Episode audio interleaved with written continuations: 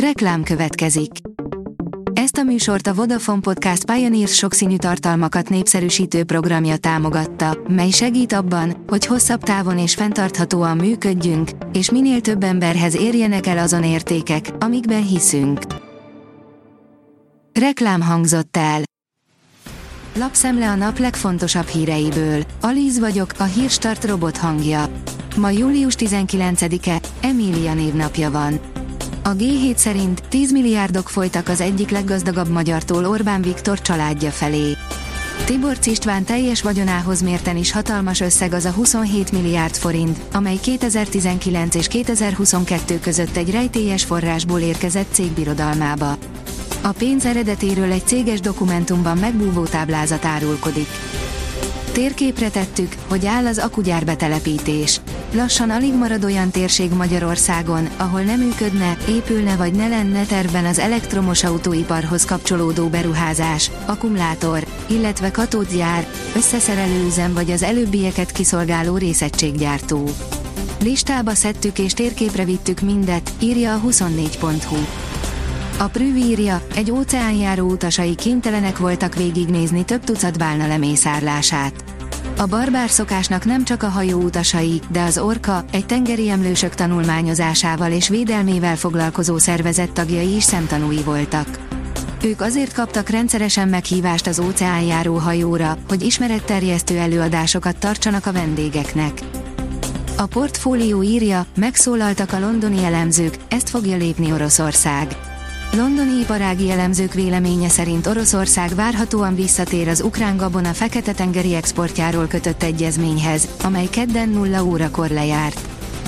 A rangadó írja, közel 30 gólt lőtt a Bayern a kis csapat ellen. A 2018 óta lejátszott három meccsen 70 gólt pakolt be a 9. osztályban szereplő ellenfélnek. A Forbes teszi fel a kérdést, túlnépesedés, építési tilalom, vízhiány, mi várható az agglomeráció ingatlan piacán. Egyelőre csak Budapest közvetlen szomszédságát érinti a vízkorlátozás és az építési tilalom. Mi lehet a városból kiköltözők új célpontja? A magyar mezőgazdaság írja, több százezer haszonállat is elpusztult a monszum miatt. Dél-Koreában közel 30 ezer hektár mezőgazdasági területen okozott károkat az elmúlt héten lezúdult eső.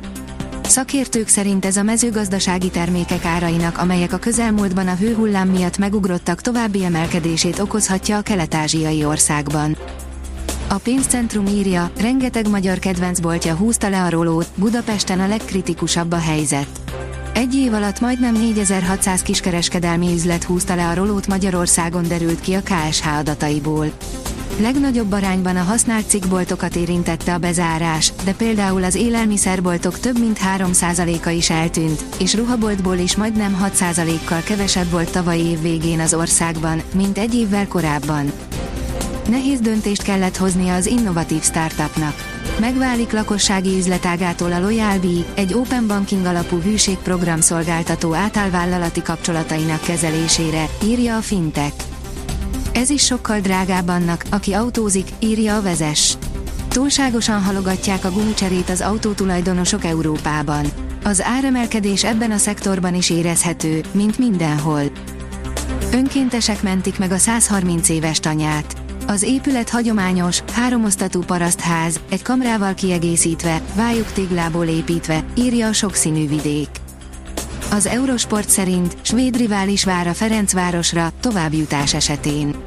A BK Hekken kettős győzelemmel búcsúztatta a Velszi de New együttesét a labdarúgó bajnokok ligája selejtezőjének első fordulójában, így amennyiben a Ferencváros szerdán túljut Ferrari ellenfelén, a svéd együttessel játszik a következő körben. A magyar nemzet szerint erőt mutatott a magyar válogatott, magabiztos siker a horvátok ellen. Az első negyedben kiharcolt két gólos előny kitartott, gyakorlatilag megvan a negyed döntő a Fukuokai VB-n. A hétvégét sem ússzuk meg zivatarok nélkül. Változékonyra fordul az időjárás, többször is lehetnek heves zivatarok. Szombaton még sokfelé zavarhatja az időjárás a szabadtéri rendezvényeket, vasárnap azonban fokozatosan megnyugszik a légkör, áll a kiderült cikkében. A Hírstart friss lapszemléjét hallotta.